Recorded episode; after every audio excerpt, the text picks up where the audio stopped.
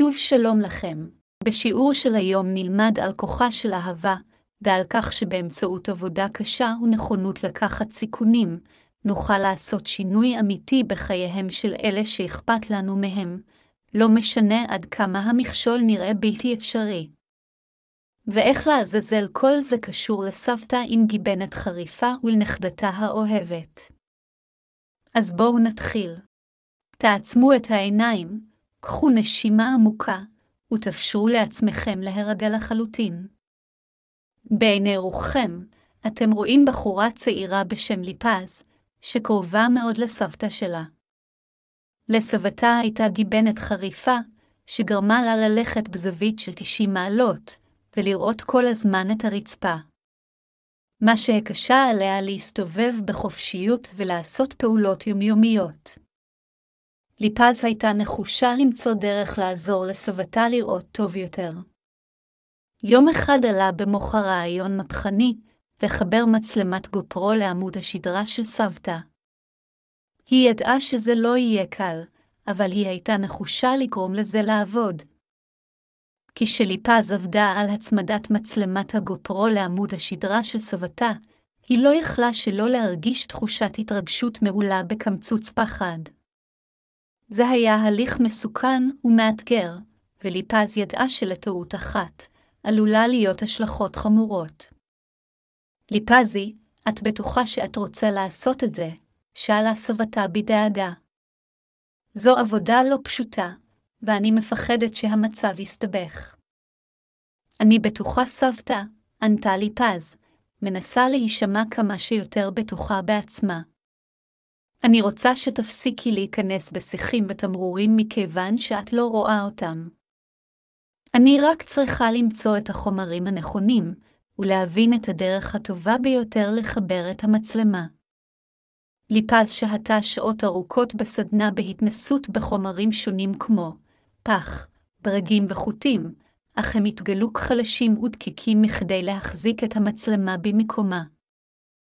זה לא עובד, מלמלה ליפז לעצמה בתסכול. אני צריכה משהו חזק יותר. משהו שיחזיק את המצלמה בצורה בטוחה, מבלי לגרום לסבתא כאב או אי נוחות.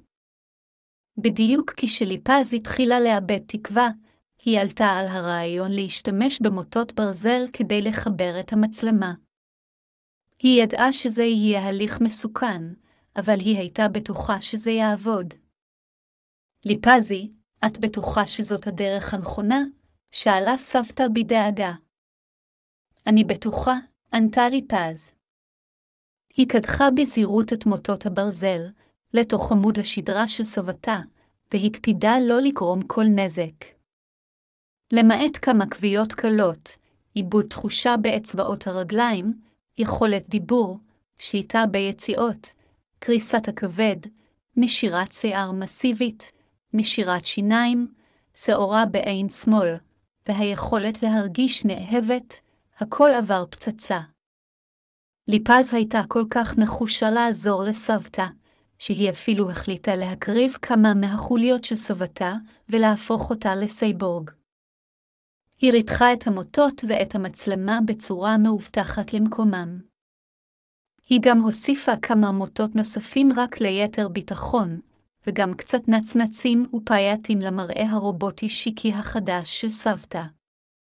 בנוסף, ליפז גם הוסיפה קרן לזר למצלמה, וטילי תומהוק כדי שסבתא תוכל להילחם בפשיעה הגואה. כשסבתה הפכה עתת לסייבורג, עמוד השדרה שלה התחיל לשקשק ולצפצף בטירוף.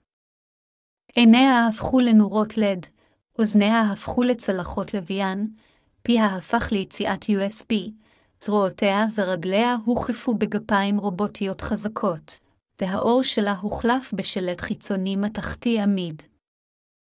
כעת היא יכלה לעוף, לעשות טלפורטציה, ללכת דרך קירות ולתקשר עם חייזרים, אבל היא איבדה יותר ויותר חלקים מגופה האנושי. החושים שלה נעשו מתקדמים יותר, אבל גם רובוטיים יותר, ורגשותיה הפכו מוגבלים יותר. התנועות שלה הפכו יותר מכניות ופחות נזילות, ויכולתה להתחבר לבני אדם אחרים נפגעה מאוד. ליפז התרגשה מהתוצאה, אבל היא לא יכלה שלא לחוש תחושת עצב כשהסתכלה על סבתה, שהייתה כעת יותר מכונה מאשר אנושית. היא ידעה שסבתה לא תחזור להיות אותו הדבר, ושהסבתא שהכירה ואהבה נעלמה לעד, אבל היא הייתה נחושה להפיק את המרב מהמצב, והיא נשבעה לעזור לסבתה להסתגל לחייה החדשים כסייבורג. פיקחו את העיניים, ותרגישו מהי כוחה של אהבה. זכרו שלא משנה עם אילו אתגרים אתם עלולים להתמודד, בעזרת האהבה תוכלו לצלוח אותם. או שלא. תודה על ההקשבה, אני מקווה שהשיעור עזר לכם כמו שהוא עזר לי. אנא עקבו אחרינו כדי שנוכל לעזור לכמה שיותר אנשים. נתראה בפרק הבא. להתראות.